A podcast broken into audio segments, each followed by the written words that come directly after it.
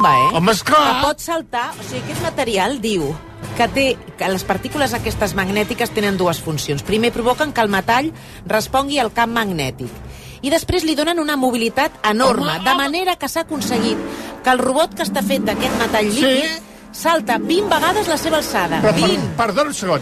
Escala parets, es divideix per la meitat Superman. i gira sobre si mateix a 1.500 revolucions per Cailà, minut. És la què, bomba. què ha acabat d'explicar No, no, és el la, senyor és, la és, requete és, bomba, eh? Sí, clar, però ve- veig Ja ho ha dit a- Et veig tan il·lusionada que serà el, la, la màquina que acabarà amb nosaltres, que acabarà amb tu, agafarà el teu Però si cap no ens cal. i el llançarà, li fotrà una puntada de peu i el llançarà si a, la- a 20 quilòmetres de, de distància. La màquina I- que ho destruirà tu- tot i està inventada fa temps. Gràcies, senyor Buigas. I, i tu, i tu, entusiasmada amb aquest Entusiasmada. Ho trobo interessantíssim. Però interessantíssim, però Interessantíssim. perdona un segon, acabo de posar això de l'Stulin de fa do, No, realment, 2014, crida l'atenció, 2014 i d'això, llumanera, excel·lent, una informació, un, un periodista ole, i quantes vegades heu trucat més, senyor Clapés?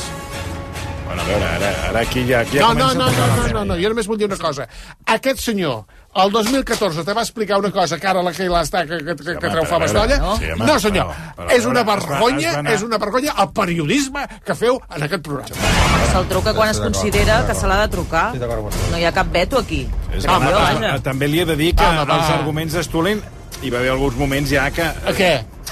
No, Perdona, van- perdona, que es- aquest argument feia un mofa i befa. No, en cap moment. D'aquest argument No, vau no, fer no, mofa i en befa. cap moment. Que, que si feia una cosa de, No, de, el de, cap- de, no, en cap moment la prova la tinc que- de, del T-1000, del T-1000, Bueno, que és és, que una clar, el cosa d'una 2014. pel·lícula. Una cosa d'una pel·lícula. I què ha sortit ara? Eh? Què? Ah! No, això no!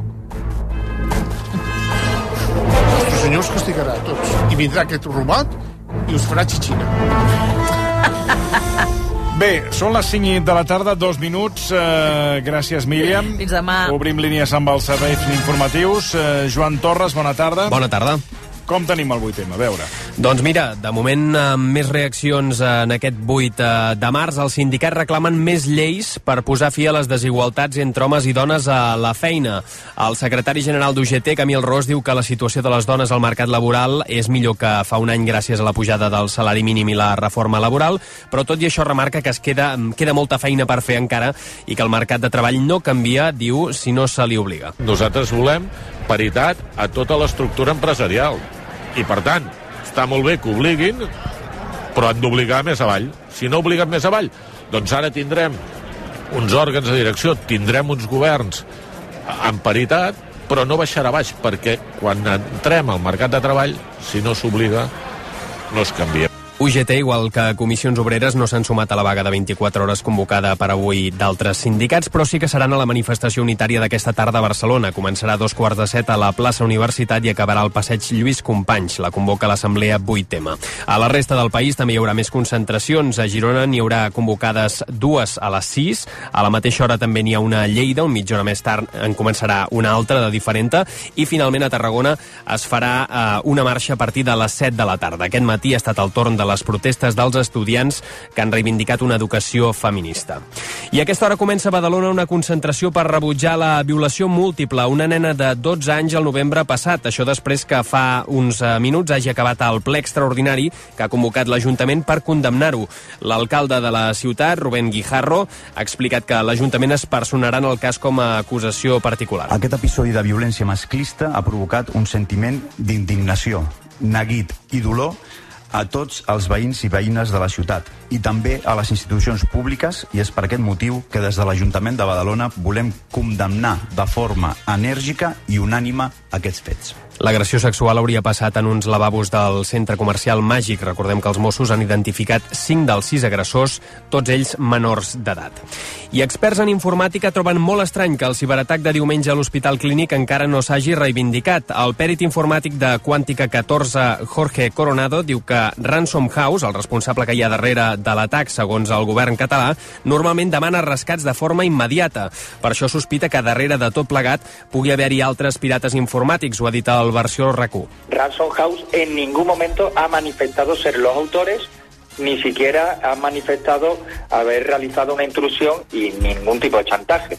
Entonces nos encontramos con dos hipótesis. Una, que no lo hayan publicado porque hayan llevado una negociación con la víctima y esta pues haya pagado, a, digamos, más a cambio de que no se publique. Dos, que efectivamente Ransom House no sea el atacante o también digamos, podemos decir que es que aún no lo han publicado porque no le ha dado tiempo. Coronado també considera que el clínic tenia unes mesures de protecció davant de ciberatacs molt febles. Mentrestant, l'hospital continua amb una activitat limitada, sobretot a les consultes externes. Avui s'hi estan fent entre un 15 i un 25% de les visites, mentre que de cirurgies no urgents ja s'està arribant al 70%. El que encara no s'ha pogut recuperar són els tractaments de radioteràpia. S'estan derivant els malalts amb càncer a l'Hospital de Sant Pau. I ara els esports amb Xavi Rocamora. El president de la Lliga, Javier Tebas, torna a carregar contra Joan Laporta pel cas Negreira. L'acusa de victimisme i l'empeny a donar explicacions. La excusa inicial ya se dio cuenta que no le ha servido, el monstruo se va haciendo más grande, se van saliendo las cosas más grande, más grande, más grande, él sigue sin dar explicaciones y ahora pues resulta que será de la culpa de Tebas cuando vuelva a decir lo mismo. Solo con ver quién se está moviendo el árbol se dará cuenta dónde tiene que se está equivocando de puerta de habitación, pero mi consejo que menos victimismo y, y más claridad de lo que pasó. Y si es una claridad sucia y tal, pues tendrán que tener las consecuencias. Tebas també ha reiterat que es personarà com a acusació particular quan el cas arribi als jutjats i anima la Federació Espanyola de Futbol que també faci el mateix. Tot plegat el dia que es tanquen dues eliminatòries més dels vuitens de final de la Champions, a les 9 Bayern de Múnich, Paris Saint-Germain, amb 1-0 favorable als alemanys de l'anada i Tottenham Milan amb avantatge pels italians també d'1-0. I entre les previsions de l'àmbit poliesportiu, avui també destacar el bàsquet en partit eh, per la penya a l'Eurocup, juga a la pista del Bourg-en-Bresse francès a dos quarts de vuit, mentre que el Manresa ho farà a Turquia contra el Basaksehir a la Champions de la FIBA. Serà a partir de les 6. I pel que fa al temps, les properes hores tindrem algunes precipitacions febles al nord de les comarques de Lleida amb una cota de neu per sobre dels 2.000 metres. Demà a primeres hores n'hi haurà a les Terres de l'Ebre i al sud del Pla de Lleida. Durant la tarda tindrem dues tongades de ruixats i tempestes que entraran per l'Aragó i escombraran el país. Algunes seran fortes, però viatjaran ràpidament i duraran poca estona. L'ambient serà molt suau al migdia, però no tant com avui.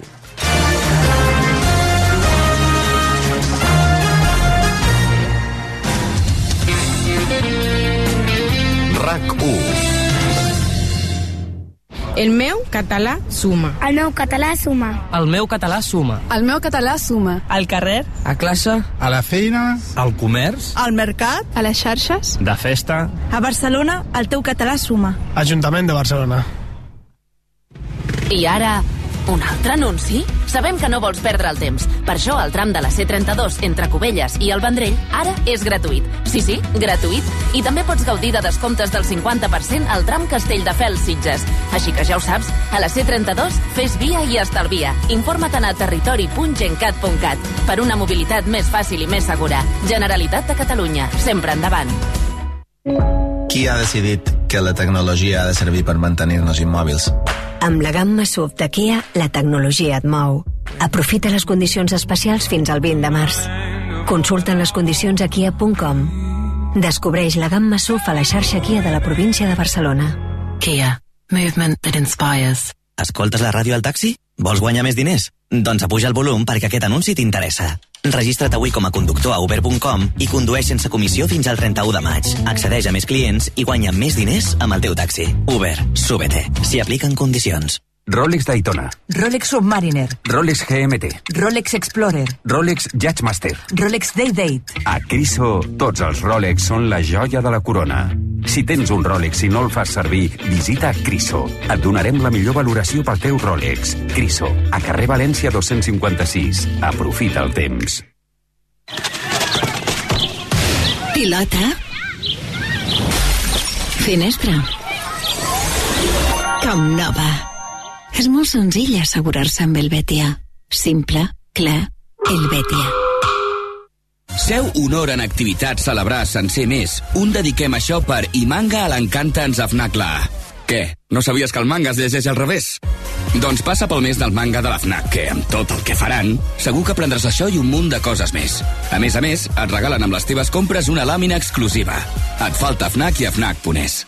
Al juliol, gaudeix d'un autèntic Activity Camp anglès a la Casa de Colònies de Mas Llop de Caldes de Malavella. Immersió total en llengua anglesa i classes amb professorat nadiu del Col·legi Sant George School. En un entorn immillorable, en plena natura i múltiples activitats esportives. Jornada de portes obertes dissabte 11 de març. Per a més informació, masllop.es. Aquesta primavera vine a lluir els teus millors looks al superesdeveniment del Centre Comercial Esplau. Cada dijous del 9 al 23 de març t'esperen els plans més top. Cupido en concert. El meet and greet i concert showcase exclusiu de l'últim disc de l'Islami. Desfilades de joves dissenyadors entre moltes sorpreses més. Aquesta primavera pètal a l'Esplau. Més info a esplau.com barra pètalo. Descobriu i endinseu-vos a l'univers RAC1 via RAC1.cat, el portal de notícies de RAC1. Registreu-vos. RAC1.cat. És fàcil. Versió RAC1, amb Toni Clapés.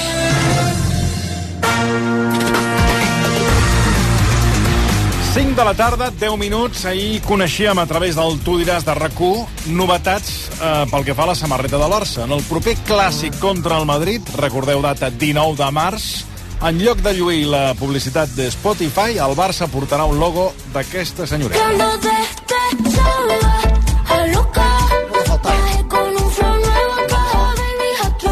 Avui, més enllà del valor econòmic, volem parlar del valor sentimental de les samarretes perquè a la redacció ja ha generat molta discrepància de si Home. el Barça ha d'anar amb Rosalia o no ha d'anar a Rosalia Home, que faltava. per No- jugar al, al clàssic Marc Perdoni. Serra. Bona tarda. Vostè ha crits, eh, aquest, eh, a la hi ha- redacció, No hi ha crits, eh? discrepància. No hi ha No, sí discrepància. que hi ha discrepància. No, Sí que senyor. n'hi ha de no, senyor. discrepància. El gat negre està en contra d'empastifar de lletres i lletrotes Doncs depèn. una- una samarreta que és sagrada. Ara, depèn. Hi ha gent, hi ha gent que creu que és una bona, és una bona Mira. intente cordiale. No. Marc, hem fet una enquesta, de fet. Sí? Hem fet una enquesta preguntant, us agrada que la samarreta del Barça porti publicitat de cantants? No, Això no. pot canviar, eh? Al No. llarg d'aquesta- d'aquests propers minuts pot canviar perquè podeu trobar aquesta enquesta en el nostre perfil de Twitter.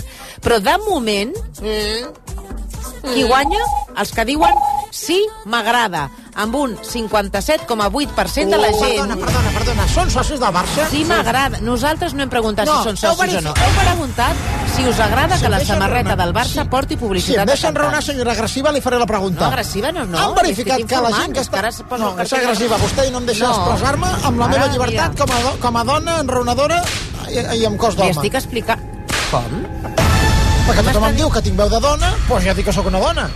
I així acabem abans. Però què ve a dir? Perquè, Va, esclar, hem de S'ha verificat gent. que tota aquesta gent que... No, no s'ha verificat. socis del Barça. No. S'ha verificat que la És senyora... l'opinió, és l'opinió. S'ha és verificat que la senyora Rosa Frita és del Barça? Ara, ara. És que, esclar, aquí, aquí tothom verificat? No ho sabem. Aquí tothom enraona. No ho sabem. Però hi ha molta gent que li agrada Rosalia i li agrada el Barça i té molta il·lusió per comprar-se aquesta samarreta. Però que canti bé no vol dir que jugui bé. Jo trobo que jugar a la Rosalia al Barça, no, no, jo no ho veig. Bueno, en tot cas, déu nhi com està l'enquesta. L'anirem comentant durant els eh, següents minuts, perquè no està al 50-50, però molt ajustada. Com Aquí- està ara la cosa? La cosa està amb un 57%, de 57,8, pràcticament un 58% dels oients, Home, va. que estan a favor que la samarreta del Barça porti publicitat de cantants i un 42,2% que ja està en contra. faltava, el que faltava. Bueno, aquí no és una qüestió de poder triar si es vol un símbol o no la samarreta. El patrocini de Spotify ja se sabia que incluïa aquesta possibilitat, que en alguns partits es fes publicitat d'una estrella de la música, però això no agrada a molta gent No, que com considera no. que la samarreta, això ho he llegit avui... No es toca. Es taca. La samarreta està tacada. I embrutada. Bueno, jo he llegit tacada. No estem parlant, per exemple, d'UNICEF, sinó de promocionar artistes de fama mundial. De fet, recordeu que serà la segona vegada... Bueno, però ja va potser és passar millor, amb- és millor potser pro promocionar, no ho sé, eh, a mi és una opinió, eh, Rosalia, que potser Qatar. O una casa exemple, com s'havia dit, també Bueno, de Bueno, patrocinis. amb Qatar no teníem la mala sort que hem tingut. Amb l'anterior cantant aquest Ara. del Drake, El Drake, Drake, el Drake. el mussó, que portava un símbol Un d'un mussó. mussó. No, no ens va portar... No ens I va com, portar hem, I com hem acabat quan vam portar la propaganda? De... bé. Treu, treu la música d'aquest Treu, tio, que és gafe. treu, home, treu. És més gafe que el de Jo soc culer. Ah. Que ens van sorrar. Va passar amb aquest senyor, el drac, és aquest com vam portar la samarreta? Què va passar? Pues que el Barcelona va quedar eliminat de les Champions i No, d'altres històries. Pues anem, anem, anem jugant. Bueno, parlant de samarretes, el contrast del dia l'hem pogut veure en la cerimònia d'aquesta matinada, on els Lakers han retirat el dorsal 16 del Mm, Pau Gasol, que ha quedat just al costat del 24 de Kobe Bryant, en una imatge on s'ha pogut veure una samarreta impoluta, mm. sense cap publicitat, on només hi ha els colors dels Lakers amb el nom de Gasol al mig.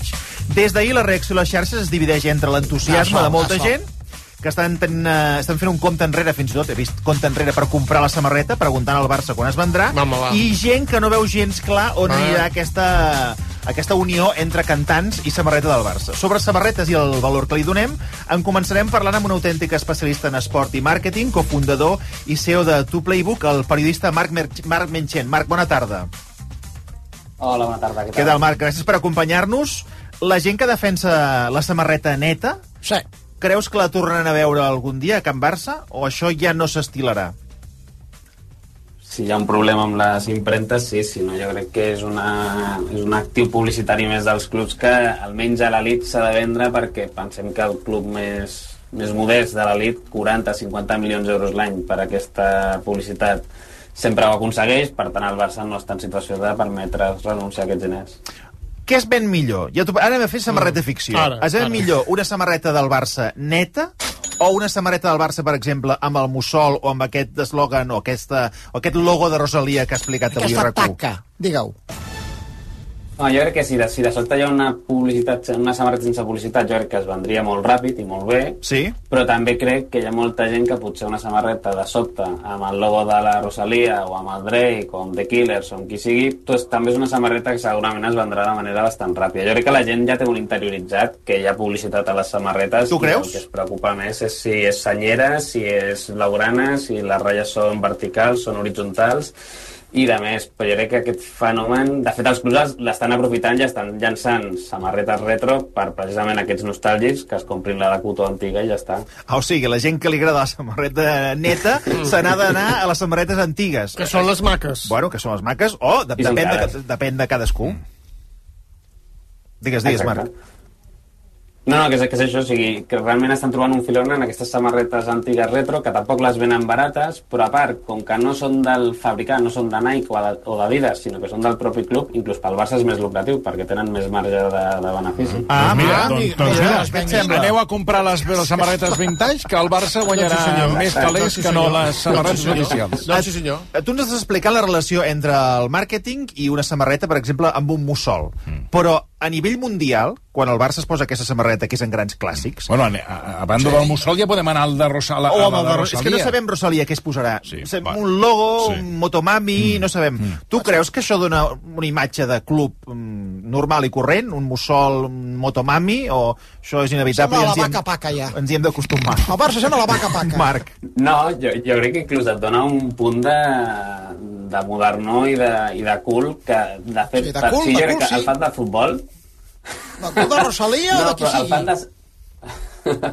el fan de sempre, sempre estarà allà i sempre l'atraparàs amb el futbol, però un aficionat a la música que li agrada Rosalia, segurament pel simple fet de que de sobte té l'accés a la, a la samarreta de Rosa... o sigui, Rosalia surt a la samarreta del Barça, impacta amb el Barça. O sigui, la campanya de publicitat gratis que s'estarà fent al Barça amb el tema Rosalia jo crec que és molt gran i, i que s'ha de mantenir i que ho han d'aprofitar perquè hi ha molta gent que no sempre li agradarà el Barça i no sempre li agradarà el futbol, per tant, Sí. impactes en gent i potser vens una samarreta que d'altra manera no hauries venut. Sí, bueno, això em sembla molt bé, i vendre samarretes. Però anem al tema important. Com podem tenir un, una samarreta del, del primer equip del Barcelona, del Barça, amb una noia que és la Rosalia? Què té a veure el Barça amb la Rosalia? Això Ara, per començar. Què té a veure? I, a més, No, no. a més, on està l'acte notarial o la prova, la documentació? Papers. Papers, Papers eh? Que ara s'ha vist amb això de l'Hospital Clínic que el bo és el paper. Paper canta. On estan els papers que demostren que aquesta noia és del Barça? Perquè encara resultarà que és de l'Espanyol o del Madrid. I tindrem aquí la Luisa Frigo del mundo de la canción, patrocinando el Barcelona i echando la mala suerte. Home, i tot per quatre duros. Si estem arruïnats ja, què més dona? Ja no ve d'aquí. Home! Ja. Prefereixo morir arruïnat que morir tacat per una traïdora. Ja pot enronar, si no ha penjat. Pobre. No, però és que això el fan de la Rosalia li li és bastant igual i potser es compra la Pues que es compri la samarreta de la Rosalia, no del Barça. Però llavors el Barça no rasca. És igual. Bueno, el que està passant ara aquí és que, per exemple, tenim un mussol amb Drake, del que no sabem absolutament res, i tenim una Mm. Sí, motomami ha de una cosa- Rosalia que tampoc sabem... Sí, però hi ha una cosa que el Pixes Martí ho, ha- ho ha plantejat d'aquesta manera, però... A veure, tenim la, la seguretat El que Rosalia és del Barça. oficial. Perquè Jo- això seria... jo- jo no ho sé. Perquè això pot ser... O sigui, imagineu-vos No, no, tot... no, una altra traïció de- no, no, no pot passar que surti una fotografia, un favor. document, perquè n'hi ha milers a la De xarxa... petita, de petita, amb la samarreta amb del la Madrid. samarreta per favor. del Madrid, o que estigui a favor de l'Espanyol, tal... Aleshores, aquí tens ja un conflicte. Però, per perdona, el que t'estan dient el Marc, si ho entenc Girona. bé... Marc, és que és igual. Ja que això li és, o sigui, és estem a un igual punt tot. que és igual, Marc? És igual tot. Vale, vale. No, no, pregunto, pregunto. No, però ja és igual, doncs com que és No, igual. a veure què ens diu el Marc, a veure. Marc, digui. No, sobretot és entendre que el Barça el que li permet és accedir a un públic que, en, que li és igual que el futbol. O sigui, que realment li agradarà al Barça, li farà certa gràcia al Barça perquè el Barça ha portat el logo de Rosalia i això és una mica el que busca el Barça amb mm. lo de Drake, amb lo de Rosalia, o si mireu l'Instagram del Barça, cada dos per tres fan trobades amb cantants o artistes que jo no tinc ni idea de qui són, però que tu mires els seus perfils socials tenen entre 3, 10, 20 milions de, de seguidors a xarxes i és una manera de primer d'entendre que el Barça no és el centre de l'univers per molta gent que sí que són del Barça i que per tant per arribar a aquesta gent, per generar impressions, per donar-li al patrocinador que t'està demanant, que és visibilitat, has de fer aquesta mena de creuaments amb el món de l'entreteniment que, que jo per mi estan bastant justificats. És com, per no, és com dir que no vols Spotify perquè el CEO de Spotify, abans de patrocinar el Barça, va voler comprar l'Arsenal. I a mi m'agradaria saber una altra cosa, perquè clar, aquí estem en parlant molt, però és que el pròxim ja serà què? Que el Barça porti la cara de Putin? Bueno, a Perquè clar, no, no, no, no. posant-se d'allò, o del grup... o- Bueno, el Barça, ja va, el Barça ja va portar el patrocini de Qatar sí. i, i va haver Bueno, crítiques, però no, no, la el cara, Barça la el va cara. portar. Bueno, la cara de Putin aquí al pit, final- clar, al final ho comprem tot. Pel que diu el, el, el, el, Marc Marchent, eh, al final aquí, escolta, és igual. No, no hi ha escrúpols, no tinguem manies, Bueno, i és igual. El d'UNICEF, el d'UNICEF aquest... eh, UNICEF, el UNICEF, no sap ni- ni- ni- ni- ni pronunciar-ho. UNICEF, sí? UNICEF. Era del Barça o del Madrid? Bueno, aquesta era la El, gràcia. el director. Era- era la Era- gràcia, era- era- era- Era universal. una- ha- sí, els però- del Qatar, el Barça, el Barça del em, Qatar. em, em deixa, deixa dir una cosa. UNICEF era eh, un acte solidari del Barça amb però bueno, però- eh, Qatar pagava al Barça. Jo conec gent de Zanussi pues que si no són del Barça, bueno, pues si no, no que sap treballen el a Zanussi. eh, estudi una El mica. senyor Vicenç Dirli, això ens ho diu un, Estudi. un oient, eh, el Ramon Estudi, Manzanera, que la. Rosalia és del, bar, és del, Bar- del Barça. Ho diu un oient per Twitter amb un nom que no te'l creus ni tu, Ramon Manzanera, i que no té ni foto de perfil ni que saber qui és. No, escolta. que igual és un, un, una japeruda que, que està allà, mira, Bueno, escrivint perquè vol. A, a nivell reputacional, Marc, tam seria també el mateix que, com s'havia dit, hi hagués un patrocini d'una casa de criptomonedes, per exemple, No, o, una, o una casa d'apostes? Cara Putin. Jo crec que això el Barça ja ho ha tingut, o sigui, de fet, encara manté un patrocini d'una casa d'apostes russa, o sigui que, que això, Veus? això el Barça ja fa temps que, va, que va deixar enrere aquesta part. Jo crec que, que estem en una indústria pagant Sant Pere Canta i és veritat que al final sempre acaba sent un debat molt, molt de ciutat, si em permeteu, però després fora el que es valorarà del club és que hagi sigut àgil fent una col·laboració amb la Rosalia, amb el Drake, amb, amb l'altre. Llavors, crec que sempre serà un tema més de debat intern i dels valors del club i d'aquesta... Volem mantenir un club social però no volem quedar-nos enrere en la indústria del futbol, Superliga, etc. I aquest debat sempre hi serà. Jo crec que serà més soroll intern que no, que no porta d'enfora, que jo crec que es valorarà molt bé aquesta acció. A És a, és a dir, aquí és o, o et vens perquè necessites els cèntims per força Clar. o vols mantenir aquesta cosa impoluta pura del, del barcelonisme. O sigui, aquest és el debat. Però ja no, queda, però ja no queden clubs així. Clar. O sigui, tots els clubs, inclús l'Atlètic Club de Bilbao, que fins ara, potser fins l'any passat, era un club que només treballava amb empreses del País Basc i era molt pulcre i no venia tota la publicitat que podia vendre de l'equipació, aquesta temporada ja ho ha començat a fer, perquè realment si no segueix si tu renuncies a uns diners que la resta està agafant, al final perds competitivitat. Si perds competitivitat, al final no tindràs resultats esportius, per tant, t'enfadaràs més perquè estigui la Rosalia o perquè no fots un gol. Pues es una Llavors, aquí derrama. has de triar. Per tant, la samarreta impoluta, des del punt de vista que tu toques de màrqueting i d'acords comercials, és molt difícil que torni eh, als grans equips. És impossible. Impossible. Home, doncs es fa una derrama entre els socis. Jo dic una Sí, cosa. els socis no, estan molt- jo dic una molt cosa. Per què no fem un programa impoluto? Sense publicitat. Ja es fan, es fan. Per exemple... ha, hi ha publicitat que escolta Catalunya Ràdio, eh? Uh, si no cal que cridi, que el Sí. sento. És que a vegades es posa d'una manera que Sí. comença a cridar. Així, és què li passa. Hi ha, hi ha publicitat, ves a Televisió Espanyola, a la Televisió Espanyola, a Ràdio I es- Nacional... i es va aprovar? I, i, no, no, i no es fa publicitat. Però nosaltres... No es va aprovar, no, no es fa publicitat. I una última pregunta, eh, que després en, en parlarem. No, jo, només, jo només dic que sí que existeix, que és el que deia vostè. No, que... però nosaltres no la fem, impoluta. Sí, però és que nosaltres en una ràdio privada. És que què, què està barrejant vostè? És que no sé. T'anava a preguntar, Marc... La... Vagi, a, un debat eh, de televisió. No sé, és que ara de cop a volta no sé amb qui estic parlant. Eh, No sé, no el conec. Bueno, no, no el ens reconec. van- ens el conec qui és vostè? el- no el conec, no el reconec. No sé qui és. Uh, a Spotify li està sortint bé la jugada, Marc? Perquè es, es diu Spotify Camp Nou. Uh, tu creus que això ha quallat o no? No, i, i és un dels reptes que, que tenia com a, com a marca. De fet, el Real Madrid va renunciar a vendre el cognom de Santiago Bernabéu perquè van veure que seria molt impossible que la gent deixés de dir el, el Bernabéu sense dir ni tan sols Santiago. Jo crec que quan es faci el nou estadi, jo crec que potser canvia. És veritat que ells no busquen tant un altre cop que sigui en la conversa social de Barcelona que la gent digui Spotify Camp Nou en lloc de Camp Nou, sinó que a tots els mitjans de comunicació, als documents que fa el Barça, que fa la UEFA, etc, que sempre surti Spotify Camp Nou i després jo crec, intueixo, vull creure que en l'acord que hi ha, un cop estigui l'estadi fet, que Spotify converteixi l'Espai Barça en un espai de, pues, de fer esdeveniments, concerts dels seus artistes, que de moment aquestes col·laboracions ja s'estan començant a fer, quan tu mires un partit del Barça, realment a, a les valles publicitàries, l'au televisiva, que li diuen al sector, normalment promocionen a molt l'artista de Spotify, jo crec que ja buscaven una mica això, i jo crec que no hem de deixar de pensar que en algun moment Spotify muntarà concerts aquí al Camp Nou. Ah. Per cert, senyor Vicenç Martí, que abans posava No en dubte matar, no el que ens ha dit... No, a veure, Sí. jo ara li estic explicant. Abans hem llegit un tuit i diu, qui és aquest? Quina, quina credibilitat té aquest oient que diu que Rosalia és del Barça? Miri, al, a l'abril del 2022... Qui és aquest? Un moment. Li Qui és aquest a l'abril del 2022? El, No, és el mes d'abril del 2022, Ah. a l'Assemblea del Barça, Sí. Una de les preguntes que va fer un dels socis, que és Josep Cubells, que és secretari de la Junta Sí, Directiva... jo conec, que havia estat a l'associació de bàsquet. Ah, exacte. Doncs li va preguntar a la porta El conec si el motomami de Rosalia es portaria algun dia la samarreta en algun partit. Mm. I es veu que el gest de la porta ho va dir tot. I la porta va respondre així. Però sempre seria de comú acord entre nosaltres i Spotify. Correcte. I no sabem si serà... Eh, estàs parlant de la 28, eh? Correcte, sí. No sabem si serà Motomami de la Rosalia, encara que ens agrada molt, tot sigui dit, eh, una salutació aquí a la Rosalia si ens estigui sentint, perquè no sé si és sòcia del Barça, però sí que s'ha manifestat doncs, eh, algun cop doncs, la simpatia pel club Ah, i, no, ja està, ja està, pots treure, ja. No, ja està. Tranquil? Pues ja pot haver motomami, motopapi, motoabuela. Ja la podeu posar, ja la podeu posar. Ara sí?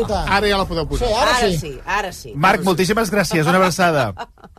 De veritat. Una abraçada, que vagi Que vagi bé. Fins una altra. Adéu-siau, Marc. Adéu-siau.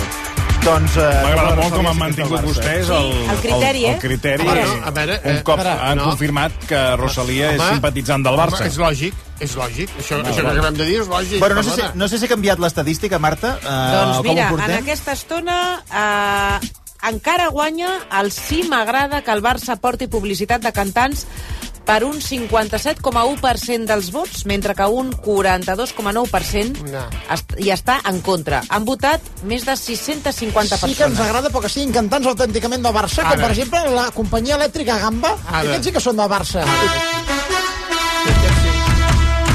Aquest sí.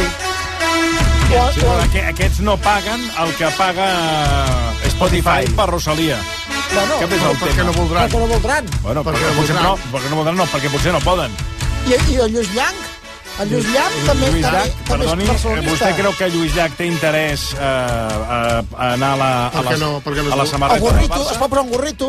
Va actuar al Camp Nou, eh? Sí. Va actuar. Va actuar al Camp Nou, però... Amb però la gorra, amb la gorra sí, del Lluís Barça. Llach fa poc li van preguntar eh, si li havien proposat ser doctor honoris causa per la Universitat de Barcelona. Eh, Que no Lluís Llach. aquest és Lluís Llach? Des de quan? A veure, a veure, Alujas, para, para, para, a veure. Crec que no, eh? Això és Eh, a veure, és que això és una heretgia... Eh? Què passa? Aquesta és una cançó que es va fer pel Barça. És igual, és igual. Lluís Llach. O sigui, Lluís Llach, com pot ser que en un Dalet de rac no hi hagi Lluís Llach? O sigui, ja hem arribat a un punt de, de, de, de misèria musical. Com pot ser? Amb la sequera el llac s'ha secat. No, però Lluís Llach, posa un Lluís Llach, és igual. No cal que canti el Barça. És que no sé si he cantat mai l'himne del Barça. Jo crec que no. No. no, no mai he tingut cap vinculació Però, amb en el canvi, Barça. el que sí que ha cantat amb el Barça i té tota la vinculació al món és Diango, que aquest sí que hauria d'estar a la Ah, això sí, samarreta. això mira, mira, mira, mira. És un buf. Som més un bluff. I Guillermina Mota.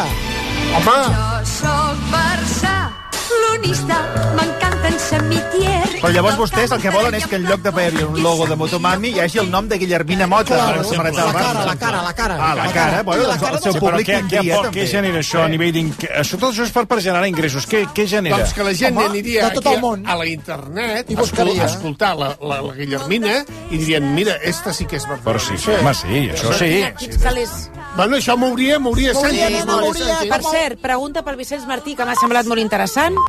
El Santi Colo diu... Santi Colo? Santi, Colo. és igual, el Santi. Diu, una pregunta al soci Vicenç Martí. Què vol? Per què soci, oi? Home, Home. soci 12.345 del Barcelona. Diu, doncs, si vostè té aquest número, que l'està reproduint ell, 12.345. cada any, si pagues, et baixa el número. Bueno, exacte. Contesti, si us plau. Sí, Sí, exacte. però- Contesti, si us plau.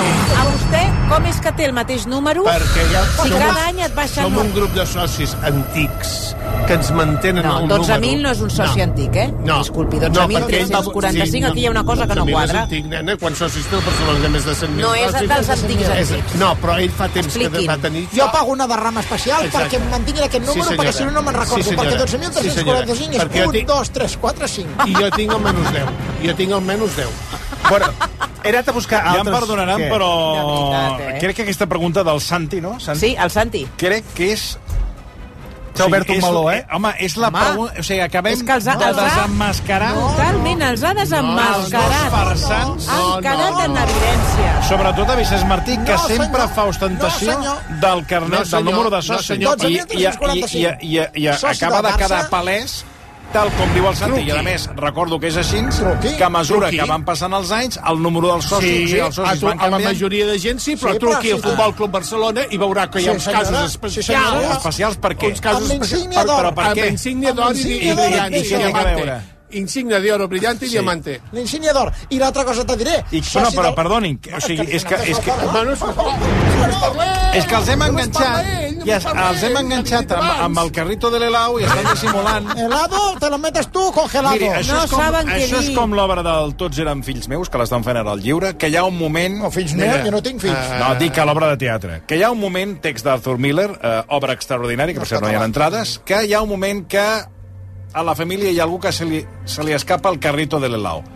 Pues a vostès se'ls acaba de veure el carrito No, de senyora. No, vostè, no, ja se li va Mira. escapar, ja se li va veure el llautó amb Titanic, i avui, avui el Santi Ah, aquí se li ha escapa. desemmascarat que vostè D'ençà, eh, porta amb el rotllo del carnet del Barça i 12.345 aquest carnet del de Barça l'any no 26. existeix. Des de l'any 26. 12.345 des de l'any 26. I te diré D'ençà, una altra d'ençà cosa. que te'ls fas l'intel·lectual anant pels teatres, pels òperes No, no i, pels, i pels llibres, d'ençà que et fas l'intel·lectual, No, perquè m'ha estàs vingut, m'ha vingut, insuportable. al cap tots eren fills meus. Mira. els hi passa el mateix. Tot sembla tot perfecte i ja passa Sí, sí. una cosa, però sobte- spoilers, que de Sí, sí. sobte deixa parlar? el desemmascara No, no més deixa d'un. parlar. ¿Em de deixa parlar parlar o solo tiene que hablar aquí el, el, el Mickey Mouse con gafas? Estaria molt bé que et truqués, que et truqués el soci 12.345. Perquè jo tinc una notícia Això sí que estaria bé. Aquí hi ha una Sí, persona... això hauríem de fer Això una recerca. ho hauríem de Qui trobar. té el número Jo. 12.345? 12.345. És que segur que una altra persona. Busquem-ho. Soci del Barça i soci de la penya barcelonista Tamarells. Sí, Truqueu a la sí. penya barcelonista la penya barcelonista? Els Tamarells. Els Tamarells.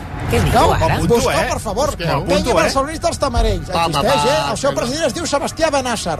Sebastià Oliver Benàsser. No teniu perdó de Déu. Farem- No, no, i acabo amb una cosa. Què? Aquí, el acusador merengón, que va amb una samarreta merengona, que és el Toni Clavés, resulta que va dient... Merengona, que té que merengona. La penya aquesta sí que existeix. Veus? I com Sí, es diu el sí, president? clar, miri, em fa gràcia. Sebastià miri, Oliver jo li puc dir la penya Wembley, miri, No, no, busqui, a veure si hi busca és. com es diu el president. Però eh, quina, quina dada, per què ens serveix Sebastià aquesta dada que m'està fent buscar ara? Sebastià Oliver Benàsser. No, això no té res a veure amb el que li estem dient. M'està fent perdre el temps. Para un moment, Aluja, sisplau. A veure. ara és que nosaltres per una Exacte, aquí la Cailà és que està perfecta d'investigadora. Vosaltres estem preguntant sobre el número de soci, que li ha- l'ha desemmascarat el Santi, no. i ara ens surt aquí amb la penya barcelonista. Els Tamarells. Però Els què té que Tamarells. veure? Que sóc soci, també. I? I, sabies que el exsoci del No, el número de L'hem enxampat, l'hem enxampat. 12.345. No, dic, què, què sabia? Sabies que l'exsoci del, del Barça, de Penyista, Ara. era el senyor Josep Térmens, que és l'amo de la Taurus? Ho sabies, això? Ara. I- que ho i sé. què té a veure això amb el que li Això estem dient? un que és soci. Però el Perquè no és soci de 12.345 què té a veure amb la penya? 26. Què té a veure amb la No té res penya? a veure, Marc, està despistant. Està despistat. Sisplau, els hem trobar... pillat, No, no, no, no, els hem pillat amb el carril. buscat l'audiència de la versió. Has buscat lo de Sebastià Oliver, que és No, de no li vull buscar això perquè no té res a veure amb el que estem discutint. és com si ara vostè el ara em treu només temes de la història del Barça. o Història. Escolti, això no, no, no, no aporta res. segon. En relació al seu cas, que és un farsant... Se li ha trencat el micro al senyor Marcelí. Que rar. Ara li ha quedat el micro...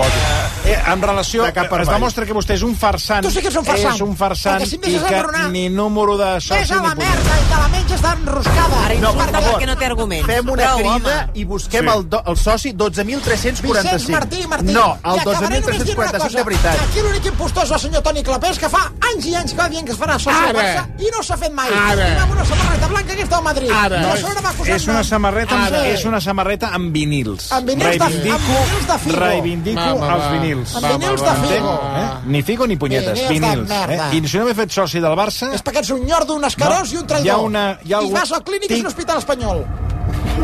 Però, a veure, mm, de veritat. No em tocava Què ha dit abans vostè del Josep Termes? De la, de, Josep de... Termans era el, el soci del penyista barcelonista Sí, què passa? i era president de la Taurus, l'home de la Taurus. que és igual, ara. Ah, Pues té- que són datos que si no ets soci del Barça no els pots saber. Però no caigueu amb això, no ho I ara, i ara diré la gran bomba barcelonista que no s'ha explicat Ai, mai. Marcelí Parelló, que va fer, que va ser un dels que va fer l'atemptat al fons 13 amb el tren, que van anar al Garraf amb el tren que van fer l'atemptat, va jugar amb el Futbol Club Barcelona quan hi havia encara els pantalons blancs, li van trencar la cama, no sé si va ser el primer o el segon I- i- partit, i li van trencar veure, la això? cama I i, no amb- consta als arxius del Futbol Club Barcelona no consta el senyor Marcelí Parelló, pobre que va haver de morir a l'exili de- de- després de la guerra. I això és una vergonya. Però I què- i què té que veure? I amb la cama que va anar coix tota la vida. I diré una altra cosa. Però què té que veure És que no té res amb a el veure número de amb això. És la data I et diré una que altra estic... cosa. La És que- data, és que les clar. Dades. Et diré un altre dato. Aquestes Però dades... donin dades relacionades amb el 12.345, no amb la història del A mi Barça. A m'estan veure. convencent. A mi m'estan convencent. Truqueu al periodista del diari Esport, Toni Closa, que s'ha jubilat, però jo tinc el telèfon. Truqueu al periodista Toni Closa, que, va venir, preguntar que va venir en aquest programa, per preguntar-li si sóc soci o no sóc soci de la penya els Tamarells i si conec o no la penya Però no Que estem parlant de la igual, penya, que la que- penya és igual, home. que volem ser preguntant per soci del Barça. Calla, calla, que ara, surten els oients a defensar el senyor Vicenç Martí. El Xavi Sastre ens diu defenso el senyor Vicenç Martí.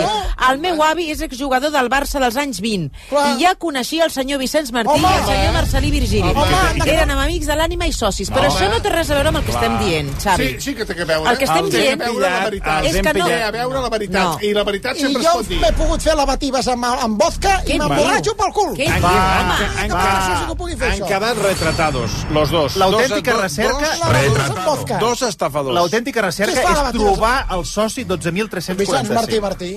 Bueno, de, eh, continuarem parlant de la No samarreta de no sé. Rosalia i Sí, del sí, Barça, hem perquè desarmat. hem fet una primera part, però demà ja... Demà quedat, una quedat com una rateta. Sí, sí, sí. Portaré demà el carnet de la penya barcelonista als Tamarells. No, volem que ens porti el carnet amb el número del Barça. Exacte. Demà o porta el número, el carnet Porti. del número del Barça Ja i està bé fa de- de- de- de- i- Exacte. de O si no, o si no vagis home. a la penya Estamarells i no torni. Ves a la merda, escarós. Fota't el grif pel nas. Versió RAC1. La Laura és professora i l'Àlex administratiu. Estan feliços perquè acaben de sortir de l'hospital amb el seu primer El fill en vinil braços. i pel nas te'l vas fotent i llavors la cagaràs pel que el més cul. important serà cuidar del petit. Per això, reben una prestació de maternitat i paternitat que els permet adaptar-se a poc a poc a la seva nova vida i centrar-se plenament en el petit. Aquesta ajuda els ofereix sobretot temps i tranquil·litat. No és màgia, són els teus impostos. Agència Tributària, Ministeri d'Hisenda i Funció Pública, Govern d'Espanya. Una dutxa que perd aigua sona així. Un radiador de cotxe que perd aigua, així. I quan ajuntem l'assegurança del cotxe i de la llar a línia directa, sona així. Si ajuntes les teves assegurances de cotxe i llar, a més d'un estalvi garantit, et regalem la cobertura de pneumàtics i manetes per la llar. Sí o sí. Vine a directe a lineadirecta.com o truca al 917 700 700. El valor de ser directe. Consulta les condicions. Soc enginyer de ponts i camins. I la veritat és que el meu darrer pont és una obra mestra. Amb vols des de només 24 euros amb Welling, vaig demanar dos dies al meu cap i amb aquests preus m'he portat a la família també. Així qualsevol es fa un pont. Amb més de 95 destins, fes-te un pont des de només 24 euros amb Welling. Consulta condicions a la nostra app o a welling.com. Descobreix les novetats i els millors espectacles de març amb entrades d'avantguàrdia. Gaudeix del Festival Guitar BSN, de l'exposició de fotografies de Robert Oasno al Fotonostrum o del concert de Who al Palau Sant Jordi. Ja a la venda amb entrades d'avantguàrdia.com, el teu portal d'entrades de confiança.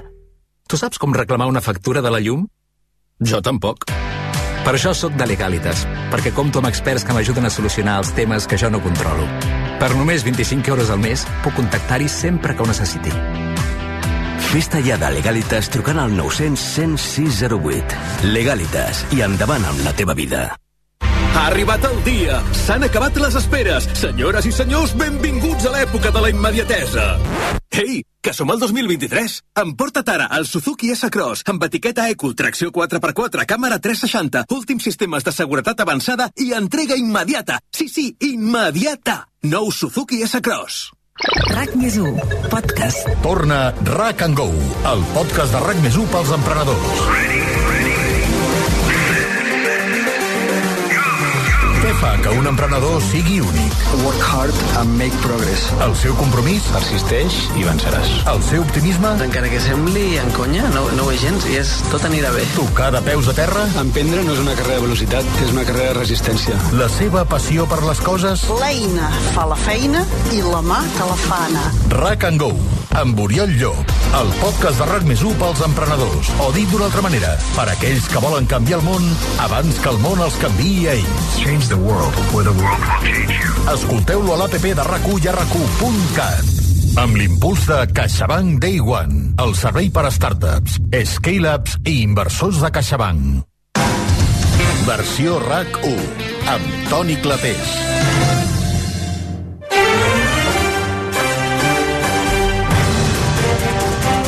Camí de les 6, eh, canviem radicalment de qüestió, deixem els del gat negre a una banda i aprofundim amb el jutge del cas Kitchen, que, déu nhi també, mm, el, el que diríem el seu currículum i totes les accions que fa dia rere dia. Parlem de Manuel García Castellón, que ha fet marxa enrere i ha decidit suspendre l'accés als xats de WhatsApp de l'ex número 2 d'Interior, Francisco Martínez. Es tracta de converses, recordem-ho, entre Martínez i el president de l'Audiència Nacional, José Ramon Navarro, que va fer públiques a la cadena SER, es van fer públiques a la cadena SER, on eh, l'excàrrec d'Interior demanava ajuda a Navarro.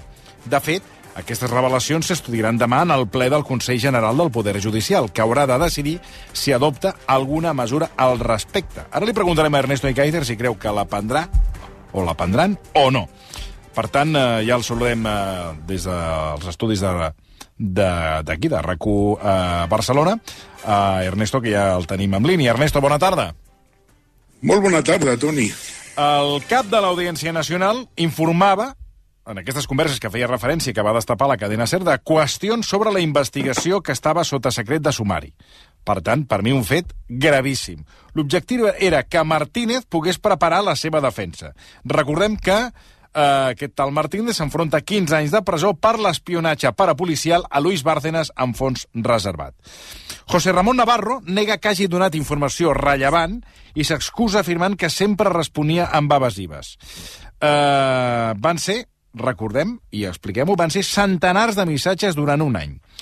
I ara li, li trasllado la pregunta, Ernesto. Vostè creu que hi haurà demà conseqüències pel president de l'Audiència Nacional amb aquesta informació sobre la taula?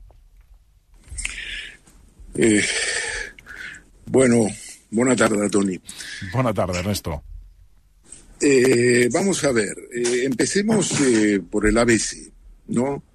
Empecemos eh, contando qué es lo que pasa aquí, antes de hablar de las consecuencias. Aquí hay un tsunami de WhatsApps, de un teléfono móvil de Francisco Martínez, eh, y esto está eh, relacionado con un- la secuencia sería la siguiente. El 13 de marzo del 2013,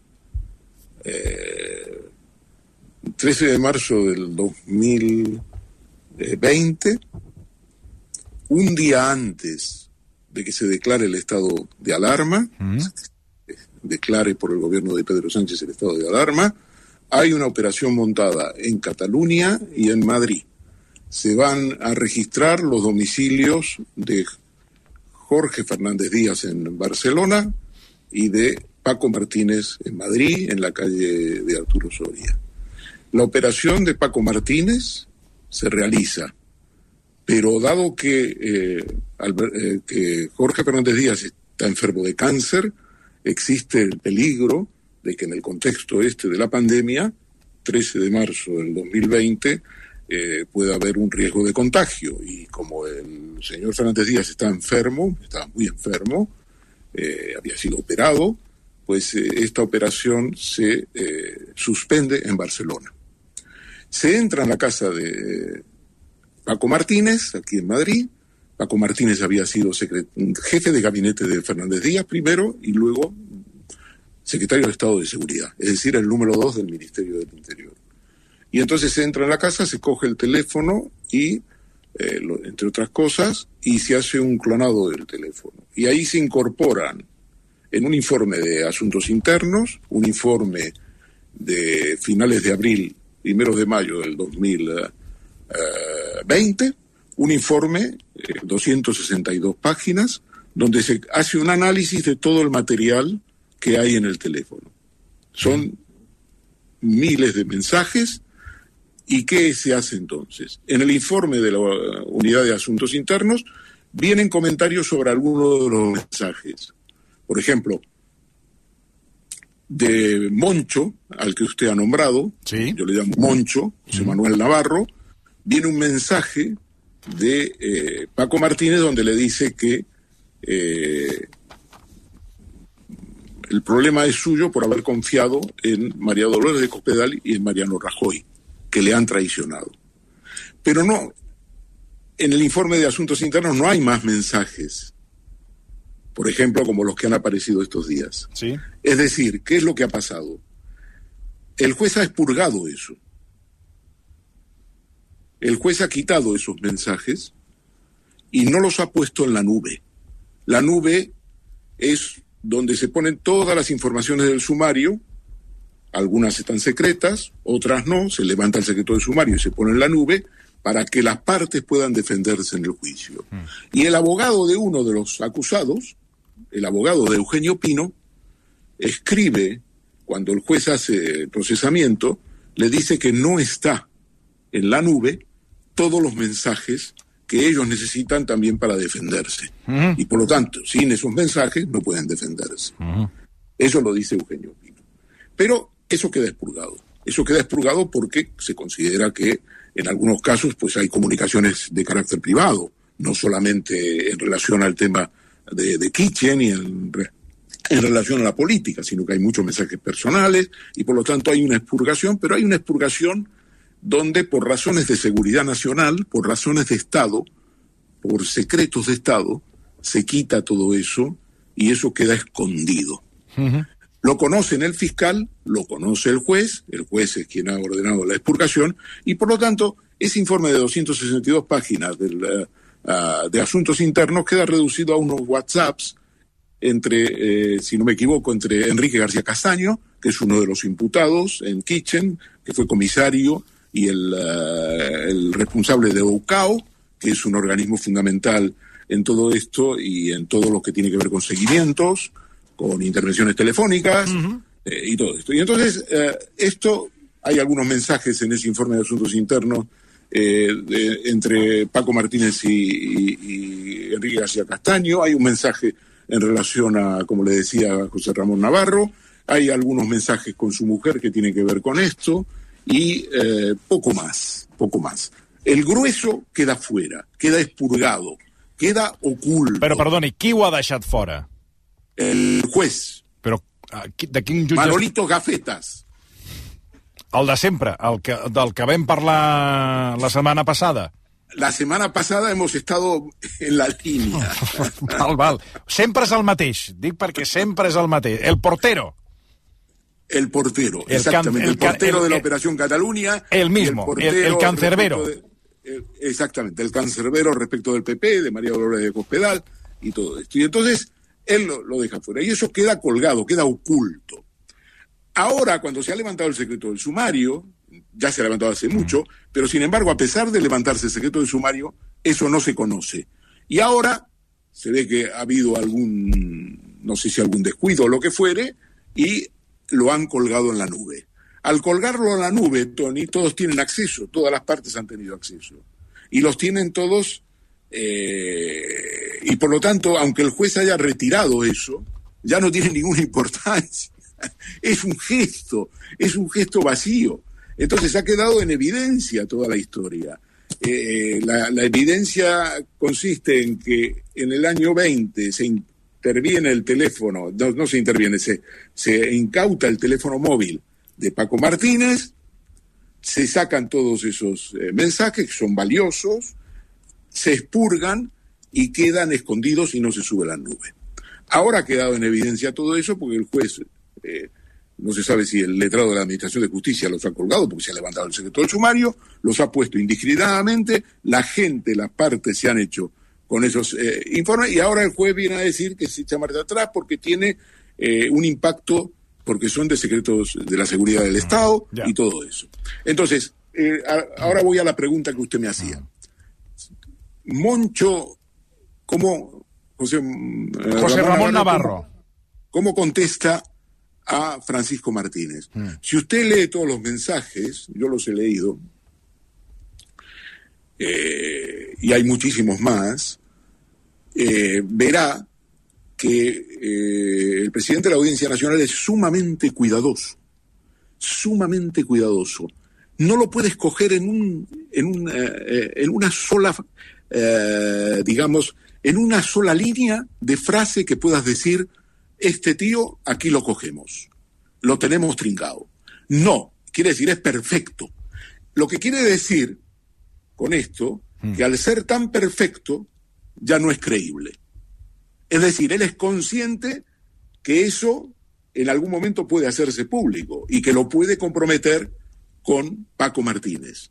Paco Martínez, que está desesperado, entre comillas, y que es un hombre relativamente débil y que puede cantar en cualquier momento, esto ya vale para el futuro también, Tony, porque él está acusado y se le piden 15 años, y es una persona muy débil, de carácter, eh, y se ha sentido solo, se ha sentido traicionado, él, eh, eh, lo que nos puede servir estos WhatsApps es para hacernos una pregunta elemental, fundamental. ¿Quién le daba o quiénes le daban la información que pedía Paco Martínez a Moncho José Ramón Navarro, presidente de la Audiencia Nacional? Usted dice, bueno, ¿y usted cómo sabe que se la daban? Yo sé que se la daban. Yo sé que el juez García Castellón se la daba.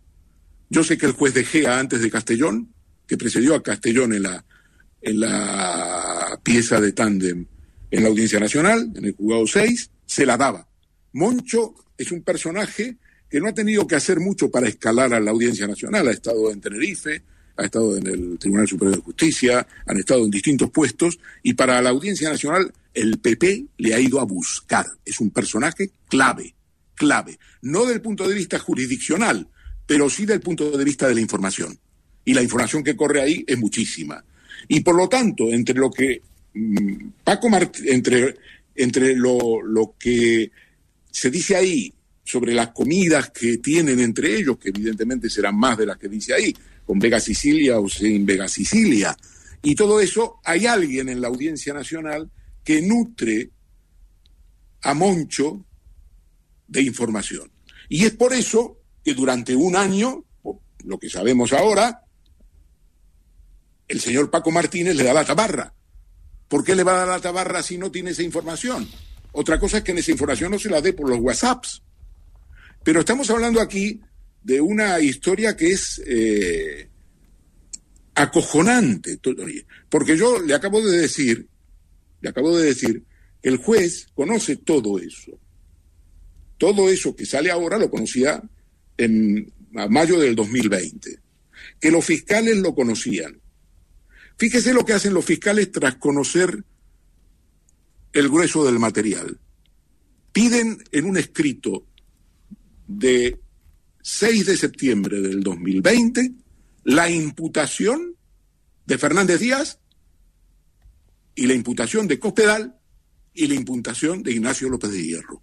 En otros términos, ellos valoran que todo lo que dice ahí, en ese teléfono, en un informe que tiene 54 páginas de la Fiscalía Anticorrupción, que con eso imputamos a Cospedal, con eso imputamos a Fernández Díaz, ¿eh? Eh, con eso imputamos eh, a Paco Martínez, a, a Fernández Díaz, eh, y le piden al juez que le llame a declarar. Y efectivamente se le llama a declarar a Cospedal y luego se le llamará a declarar a los demás. Pero es, es muy relevante. ¿Qué hace el juez García Castellón? Esto es lo que hace la Fiscalía Anticorrupción. ¿Qué es lo que hace el juez García Castellón? ¿A quién llama a declarar? Unos días después de recibir este informe colosal, aunque, como le digo, en el informe no está todo, solo una mínima parte, pues a Dina Burselham. Llama a la ex colaboradora de Pablo Iglesias por el robo de su teléfono y arma la cortina de humo. Ese es el método de trabajo de Manolito Gafetas. Es decir, cortina de humo con Podemos, con Pablo Iglesias, con Dina Busselham, con Marta Flor, la abogada que dicen que estaba liada, mentira, falso, con el eh, fiscal Estampa, que todas las piezas estas se realimentan, Dina, que es la pieza 10 creo, junto con, con la situación de Estampa, se realimenta para crear esa burbuja notable que es los fiscales podemitas de la anticorrupción y eh, el juez que defiende los principios y se aliga con los sectores más eh, importantes de la derecha y sobre todo el PP. Entonces, eso es lo que hace el juez.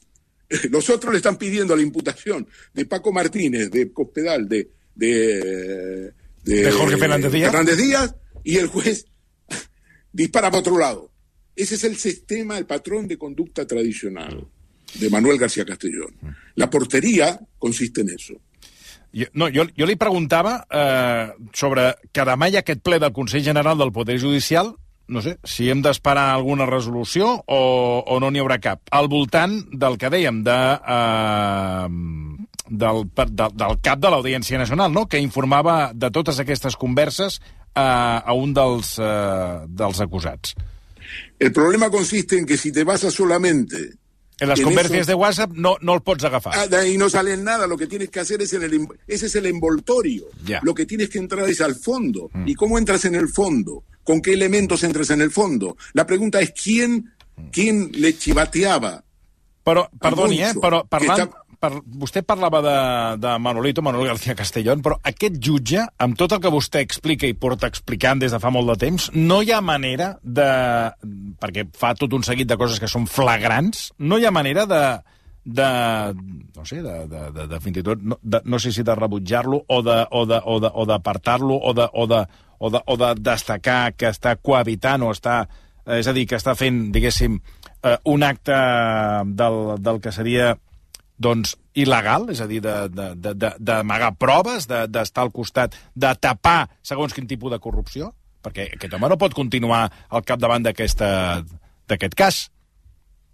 Claro, el tema que usted plantea es un tema fundamental, porque los casos que él tiene entre manos son casos de un alcance eh, potencial, eh, actual y potencial tremendos. Entonces, desde ese punto de vista, eh, la pregunta es, ¿alguien realmente mm, en el Consejo General del Poder Judicial va a investigar más que los WhatsApps la labor de García Castellón? Això és el que li dic jo. Ese es el tema. El tema no son los WhatsApps, no es si eh, hablaron, eh, si Moncho, el presidente de la Audiencia Nacional, hizo esto. Eh, Eso también hay que investigarlo. Pero aquí lo fundamental es que hay que investigar eh, el- el- los temas de fondo de la instrucción. Por Això- ejemplo, le voy a dar un ejemplo. Hace 16 meses, 16 meses, el juez denegó la personación de la defensa de la familia de Puyol, de, de Puyol, sí, perdone, de Puyol. Sí, sí. Se personó allí y presentó, digamos, quería estar parte del procedimiento por todo lo que tiene que ver con la causa eh, de la familia Puyol. El juez denegó la personación. Le dijo que no había, que eso no tenía cabido allí. Bien. Presentaron un recurso de reforma ante el propio juez, antes de ir directamente a la sección tercera de lo penal, a la apelación. Porque el recurso que ellos presentaron fue un recurso de reforma. ¿Usted quiere creer que hace 16 meses que no el, el, el juez no contestó ese recurso de reforma? En otros términos, no pueden presentar un recurso de apelación ante la sala de lo penal de la Audiencia Nacional. Esto es grave, es gravísimo, por las razones que sea. A lo mejor no es culpa del juez, pero hace 16 meses que el juez no ha respondido y ellos no han podido ir a la apelación. Y cosas como estas, que son fundamentales, eh, digamos, explican todo lo que es el retraso de la Operación Cataluña. La Operación Cataluña colgaba de una pieza que se llamaba eh, Método 3, en el fondo, que era una denuncia de Paco Marco, el propietario Sí, y sí, detective sí. Paco Marco, era una denuncia que presentó él porque le arrasaron la... ah, entraron allí,